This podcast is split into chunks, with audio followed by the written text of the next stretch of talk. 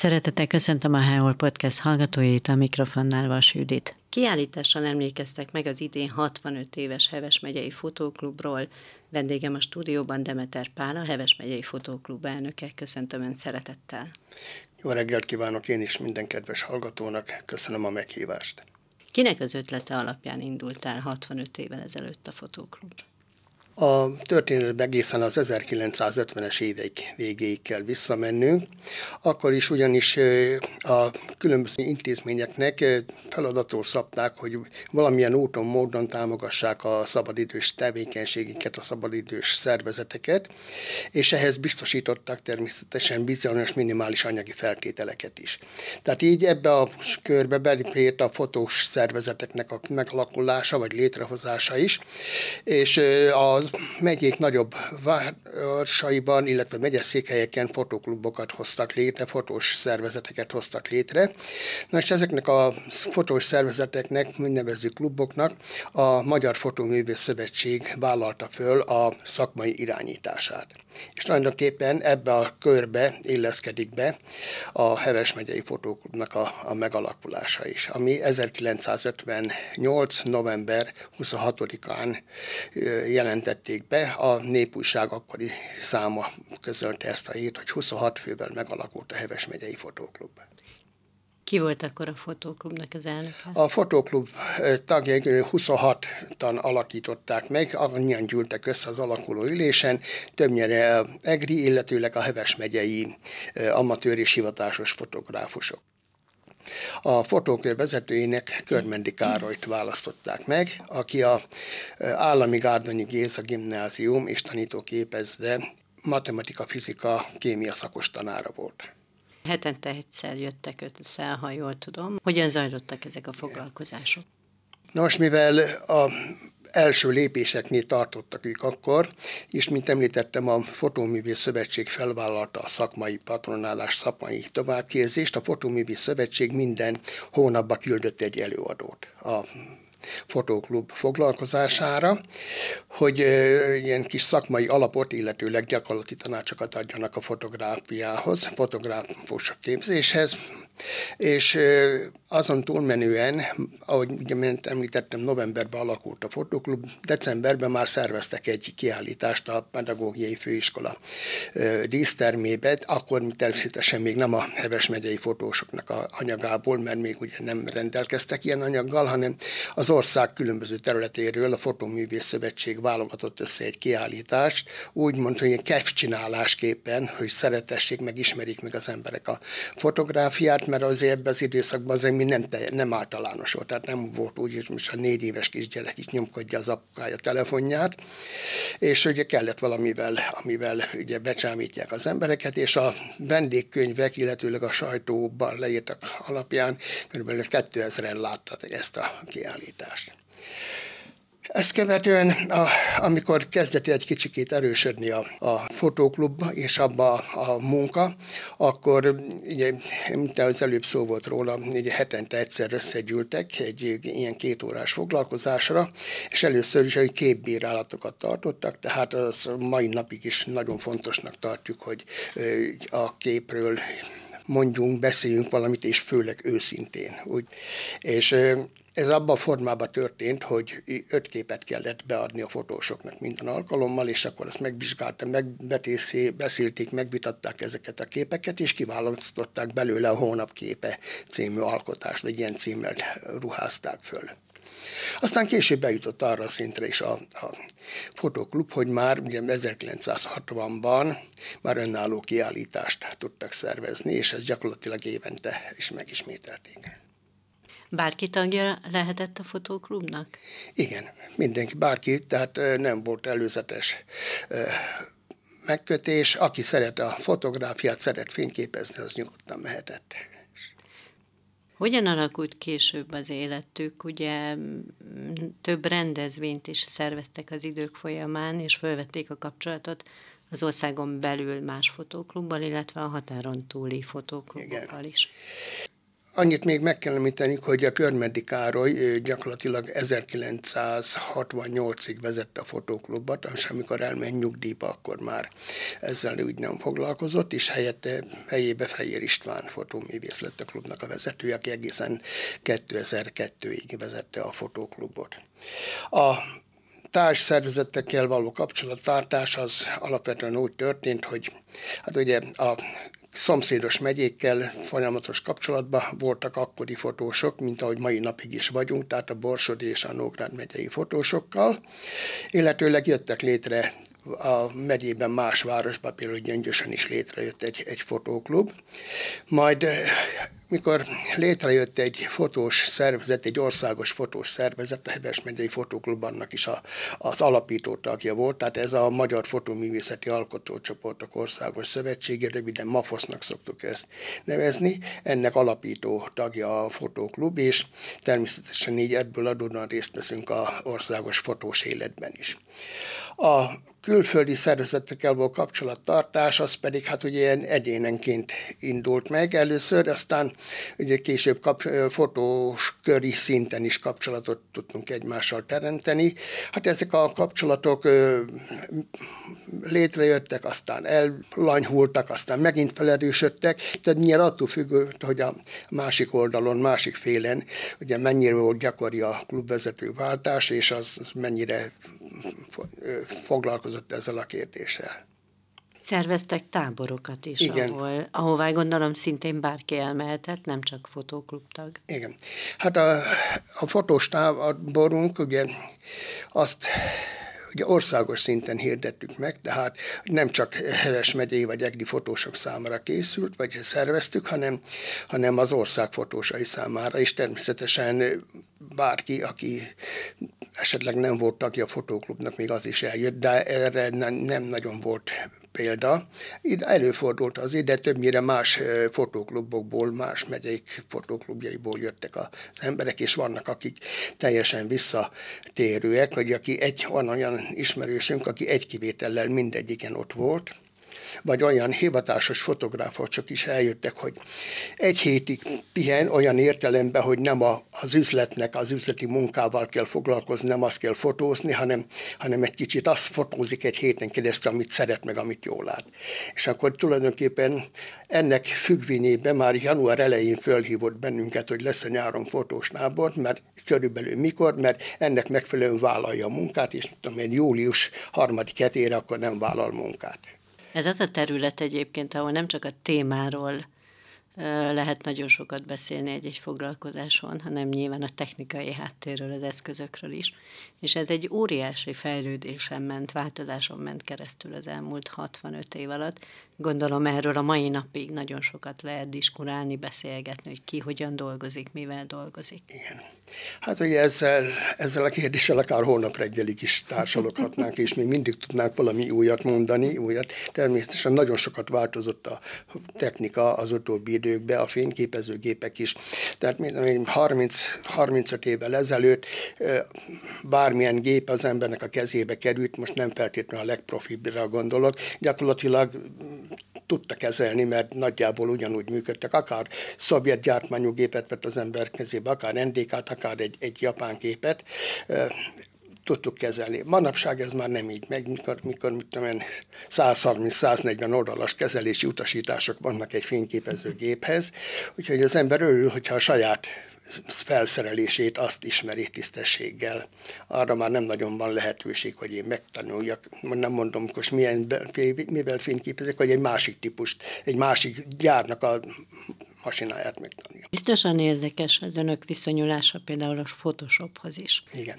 Hát ugye, amikor ez először megjelent, nagyon, nagyon ellenségesek voltunk vele, nagyon tartózkodnak. Ez inkább abból okat, hogy nem ismertük nem tudtuk elképzelni. És, és aki esetleg valami kicsikét már belekontárkodott, az se jó magyarázta el nekünk, mert egy fotón el akarta magyarázni az összes lehetőséget, amit a fotós tud, és akkor ilyen szörnyűségek voltak, értek, hogy ilyen csípőficamos Eiffel-torony, hogy ilyet is lehet csinálni, minden. Tehát ez valami szörnyű volt, és tulajdonképpen egy, egy, egy pesti fotóművész, akit ő szintén így elrémisztett ez a dolog, hogy nem tudta, hogy hogy áll a dolog, és saját maga elkezdte elkezdte tanulgatni ezt a dolgot, hogy hogy kell ezt csinálni, meg mire jó is, és tartott nekünk előadást, és csak a lényeget, az alapokat adta meg először, hogy így kell csinálni, vagy így csináljuk, és a többit azt meg az ember saját magától majd megtanulja, vagy esetleg még tanfolyamon. De hát nem egyszer akarták ránk zúdítani a, az egész fotó, mert nem is lehet egyébként, mert egy, ez, a, ez a program egy annyira bonyolult, annyira hihetetlen, és annyira sokrétű, annyi sok mindent tud, hogy gyakorlatilag, aki, én azt merem kijelenteni, hogy akik ezt műveljük, hogy gyakorlatilag a jéghegy csúcsa vagyunk a, a Photoshop felhasználást illetően. De milyen ma a viszonyuk ehhez? Én ma úgy gondoljuk, hogy nem lehet kikerülni, tehát valamilyen képszerkesztő programot alkalmazni kell mert, mert különben megfeneklik az ember. Régen is volt, csak az ember régen beadta tekercsfilmet a laborba, és akkor ott előhívták, és akkor azt senki nem tudta, hogy a laboráns kislány az ő alakítgatott, változgatott. Hogyha valaki elővesz egy 30 évvel ezelőtti fényképet, megfordítja a hátonra, lát, elol lát, hogy ilyen, hogy plusz kettő, mínusz három, stb. Ez a belenyúlásnak a, úgymond a belenyúlásnak a mértékét jelzi, hogy mit tudom, melyik összetevőbe, hogy nyúlt be, mi, mit csinál. Másik dolog, amiért szoktak bennünket így szídni is, hogy mert azt csináltak a gép, a képpel, amit akartok. A Photoshop segítségével nem. A nagyon rossz, teljesen életlen képből nem lehet csinálni rendes fényképet, még mint tudom, a 300 évvel ezután következő Photoshoppal se, ha pedig biztos fejlettem lesz. Én mindig azt szoktam mondani, hogy uh, amikor én egy festővel vagyok egy kis hegyvidéki faluba, le szeretnénk festeni, vagy meg szeretnénk örökíteni egy, egy kis ottani kis templomot, hát ő a sajátos eszköz, én a fényképezőgépemmel, igen, nem csak, hogy körbe van villanydrótozva, mert telefondrótozva az a kis templomocska vagy kápolna, és a festő eleve kihagyja. Nekem a fényképésznek nekem ott van, mert, mert visszaverődik a villandrótról, mert ezen működik a fényképezés, hogy visszaverődik a, vissza, a tárgyak visszaverik a fényt. Tehát ezt nekem utólag kell kiszednem. Ő meg eleve be se rajzolja. Tehát ez, akkor, ha azt veszük, akkor ő is hamisítja a valóságot. Én is csak ő előtte, én meg utána. Hát igen, mert a végeredmény az azt tükrözze, amit ő szeretne igen. látni, vagy vissza. Tehát uh, beszéltünk, hogy a, milyen el, hogy fogadtuk ezt a dolgot. Hát ugye egy ember volt közöttünk, aki azt mondta, hogy nem azzal kell foglalkozni, hogy mivel csinálták, hanem mit csinált, és az, az a, amit csinált, az a legyen az kép vagy fotó, te, hogy az mit mond az embernek. Ez a, és ez a lényeg senki nem vonja kérdőd, hogy Picasso a Gernikáját hogyan csinálta. Csinálta volna más technikával is. Mm, Ez így jó. Cél a lényeg, nem a hozzávezető út. Igen. Mennyi idős most a legfiatalabb és a legidősebb tagja a fotó? A legfiatalabb tagunk az most volt 18 éves, most érettségizett, a legidősebb tagunk pedig 80 éves, egy nyugdíjas matematikábrázó szakos tanárnő.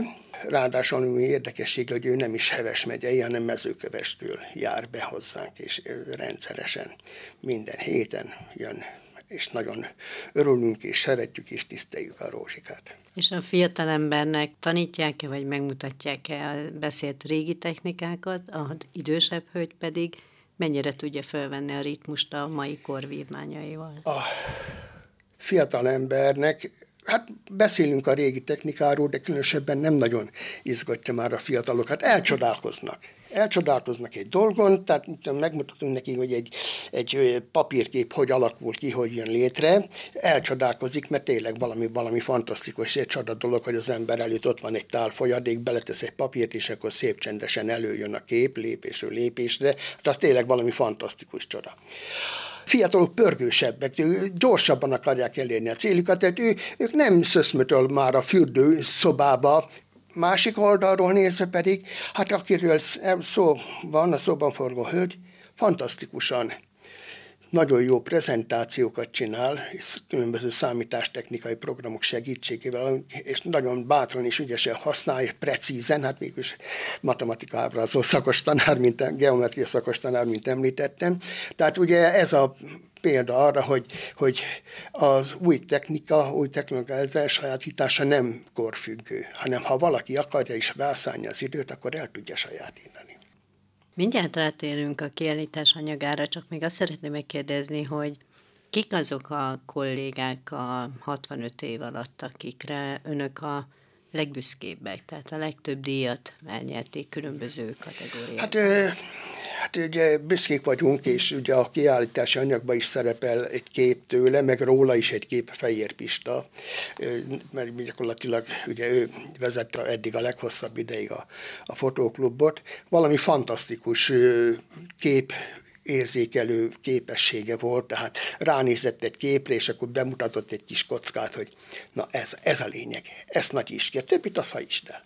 Sőt, volt olyan is, hogy körbe is szakította, hogy Na, Palika, ez a lényeg, ezt csináld meg rendesen, és akkor meg lesz csodálatos kép. Tehát ő, róla mindig szívesen emlékszünk vissza.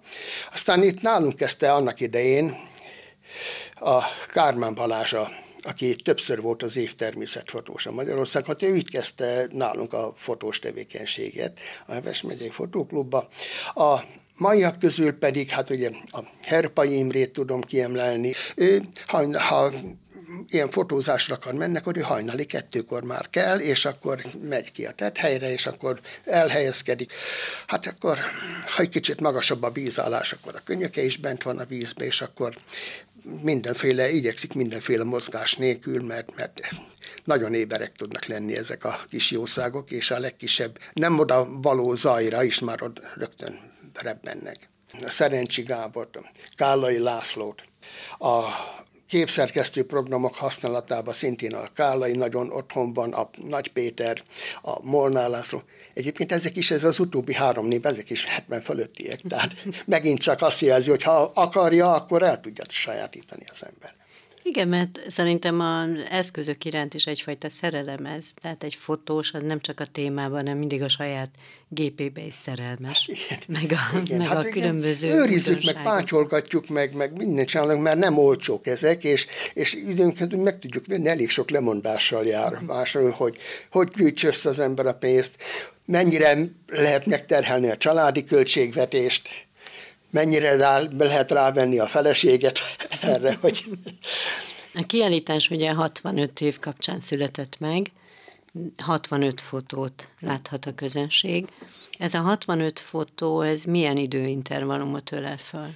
Hát most, mikor terveztük ezt a kiállítást, úgy döntöttünk, hogy a jelenleg, akik most ebben az évben bent vannak a fotóklubban, azoknak a képeiből válogattunk az elmúlt öt évben készült alkotásokból. A 60 éves öt évvel ezelőtt én ott előszedtünk régi képeket is, sőt, két évvel ezelőtt pedig kifejezetten csak olyan képeket szedtünk elő, úgy csináltunk egy emlékkiállítást ezeknek a régieknek, hogy akik gyakorlatilag 80 évvel ezelőtt, illetve 80 előtt voltak a, a fotóklubnak a tagja is, csak az ő kép. Tehát az, se az enyém, meg se az újak, senki nem, csak akik akkor voltak tagjai. Találtunk pincébe porosodva ilyen képe, régi képeket, tehát még csak annyit, hogy funérlemezre volt fölkasírozva, tehát akkor még a habkartont nem ismerték, és azt állítottuk ki a, a Vitkovics házba, kifejezetten nekik számba ezt a dolgot, és most ebbe úgy gondoltunk, hogy most ez a mostani klubtagoknak az anyaga legyen kitéve, illetőleg a Körmendi Károlytól és a Fehér Istvántól tettünk ki képeket, mert, mert ugye hát őket nem feledjük. És mindenki szabadon választhatta ki fotót, vagy volt valamilyen tematika? Nem volt tematika, mindenki a, általa a legjobbnak ítélt. Kértünk, úgy indítottunk, hogy kértünk három-négy képet mindenkitől, és aztán azért kicsikét szűrtünk belőle, mert ugye a 65-be bele kellett férni. A 65-ből ugye három már kiesett, 62 képbe bele kellett félni. De nem volt semmiféle tematika, tehát így a kiállítást megtekintve is látszik, hogy meglehetősen sokrétű ez, ez az anyag, mert jelzi a klubtagságnak a érdeklődését, annak a sokrétűségét, mert, mert, mert van, akit a sport érdekel, azzal foglalkozik alapvetően, van, aki a makrofotóval, van, aki az állatfotókkal, vagy azon belül is még a madárfotókkal is foglalkozik, és van, aki a, a zsánerfotókat, tehát gyakorlatilag felöleli az egész fotográfia műfai palettáját a kiállítás. Az önök által készített fotók, mert most nem személyenként kérdezem, hanem a fotóklub anyagából készült mondjuk válogatott anyag, szokott-e szerepelni országos kiállításon? Igen, igen, sőt, most készülünk erre. De az előbb említettem a bevezetőben, hogy a MAFOS szalon, ugye ez ugye összefogja országban lévő fotós szervezeteket, és évente rendez egy nagy seregszemlét, ugye MAFOS szalon a címe, és gyakorlatilag itt a fotóklubok mutatják be az anyagaikat. 24 darab képet lehet beküldeni, tehát egy klubanyag megy be, és ezt fogják értékelni. Most készülünk, mert a MAFOS is 40 éve alakult, tehát ott is egy jubileum lesz, és, és gyakorlatilag a jövő héten fogjuk zsűrizni a felküldendő anyagot, és válasszuk ki azt a 24-et, ami képviseli majd a Heves megyei fotóklubot az országos szintéren. Mi alapján fognak válogatni? Ön is tagja lesz zsűri? Nem, én, én is egyik pályázó leszek, hanem majd kér, keresünk olyan embert, aki ért a fotózáshoz, tehát olyan, aki, és akkor ők fogják ők fogják teljesen anonim módon, tehát csak annyit látnak, hogy látnak egy kép, egyes számú kép, és az alapján kivetítjük, és az alapján eldönti, hogy hogyan értékeli. Mikortól válik valaki profi fotósá, és mikortól válik fotóművészé? Hát ez nehéz dolog, mert ugye a fotózás kezdeti kezdetén ugye az amatőr fotósoknak hívták azokat, akik nem a fotózásból élnek. Én, én is még mindig ezt tartom. És a profi fotózás az, aki fotós, az, aki gyakorlatilag hivatásszerűen ebből él, van műterme, vagy, vagy újságnak dolgozik, és tovább. De aztán későbbek során ugye az, az amatőr, az fogalom, az kezdett lejáratódni, és le is lett járatva. Tehát így, így nehéz lehet. Én, én tulajdonképpen, én ma is azt mondom, hogy én amatőrfotós vagyok, mert nem ebből élek, nem a, nem a fotózásból élek. És bármelyik fotós szervezetbe, bármelyik művészi címet szerezzen, bizonyos feltételeket kell teljesíteni, tehát be kell adni egy portfóliót, meg a társainak a véleményét hangoztatni kell, és akkor ez alapján megítélik. Hát ugye annak idején is régen is volt ilyen, hogy királyi fényképész, tehát vagy udvari fényképész, ez nem, nem azt jelentette, hogy a, a császárt vagy a királyt fényképezte, hanem ez egy titulus volt, tehát az azt jelentette, hogy sokáig megbízhatóan eredményesen kellett dolgozni annak a labornak, vagy annak a műteremnek, meg be kellett, szintén be kellett adni valami válogatást, akkor még ugye nem a portfólió kifejezést használták, de ez azóta jött, és amikor megkapta ezt a címet, akkor kitehette a táblájára, hogy udvari fényképész, tehát XY udvari fényképész. És utólag közben többször visszaellenőrizték, hogy tartja-e azt a minőséget, amit, ami alapján megkapta a minősítést. Tehát egy húzamosabb ideig részt kell vennie valamilyen szervez, fotós szervezetnek a munkájába, meg kell adni ezt a tíz eh, darabból álló portfóliót, de ez még mindig kevés, mert a különböző eh, pályázatokon is megvan adva, hogy hány képet kell elérni, eh, elfogadtatni, tehát hogy hány képét állítsák ki a, folyamatban, és akkor ugye megvan, ennek megfelelően különböző fokozatokat lehet szerezni. Tehát tudom, a legalsóbb fokozat az az kell, hogy tudom én, 70 képét elfogadják, és kiállítsák valamilyen kiállítás keretében, vagy pályázat keretében, szakzsargonból szoktuk mondani, hogy falra kerüljön, 70 képen falra kerüljön. Olyat szoktak-e csinálni a, például a táborokban, hogy van egy adott téma, de mindenkinek az a téma, és mindenki azon dolgozik, és akkor este megbeszélik, hogy ki mit látott benne, ki hogyan dolgozta azt föl.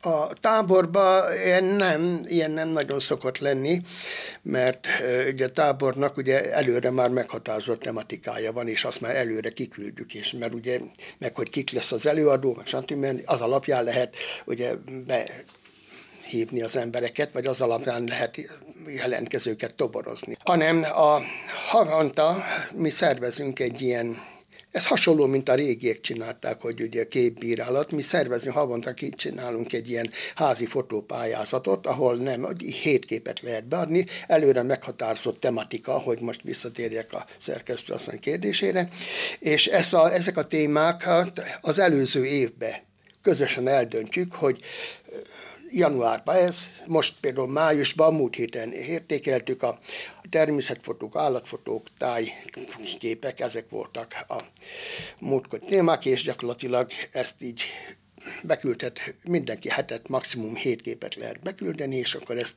ezt értékeljük, és aztán meg is beszéljük amennyi. És akinek valakinek valamilyen képével gondja van, hogy ezt most mi a hiba, akkor azt természetesen megbeszéljük. Ma már a telefonok is zseniális. Nyilván az amatőr számára zseniális fotókat készítenek. Önöknek milyen viszonya a telefonokkal készült, készített fotókkal? Valóban nagyon-nagyon nagy, hatalmas ütemben fejlődik a, a mobiltelefonoknak a tele, fényképezéssel kapcsolatos szerkeze részei, szoftverei, hardverei, és, és fényképezőgép gyártóknál elindult egy olyan tendencia, hogy belépő szintű illetőleg alsó kategóriás tükörreflexes gépeket vagy nem csinálnak már, vagy pedig tervezik a leállást, mert a mobiltelefonokkal azt a minőséget már tudják produkálni.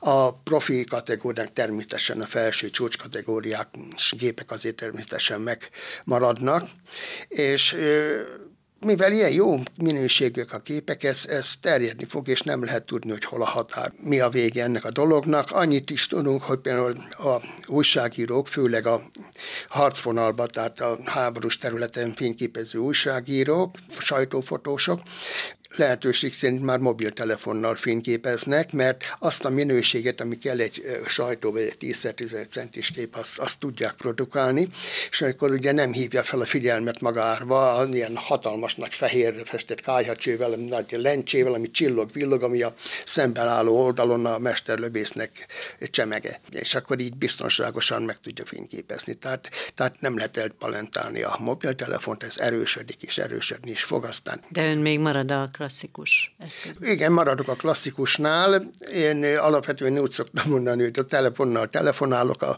borotvával meg borotválkozok, de azért, ha szükséges adódik kell, akkor használom. Ön milyen témákat fotóz mostanában leginkább?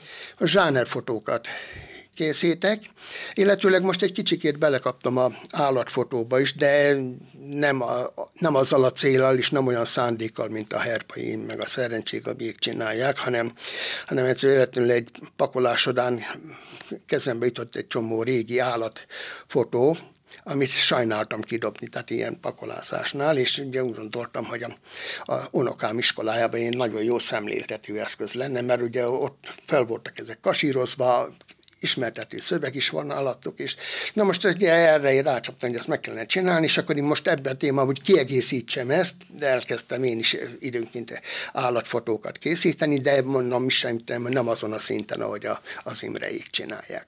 Tehát ön még nem fekszik 24 órát nem, a madárlás? Nem, nem, nem, nem, nem, nem. Amit legutóbb csináltam az Eger patakba, kiállításon is szerepel, hogy a szinkron úszás, ugye két kacsa egyszerre ment le, és a lábuk meg mindenük, a többi az fönt van. Hát arra egy jó fél órát vártam még, hogy legyen kettő, aki egyszerre bukik a víz alá keresni a táplálékot.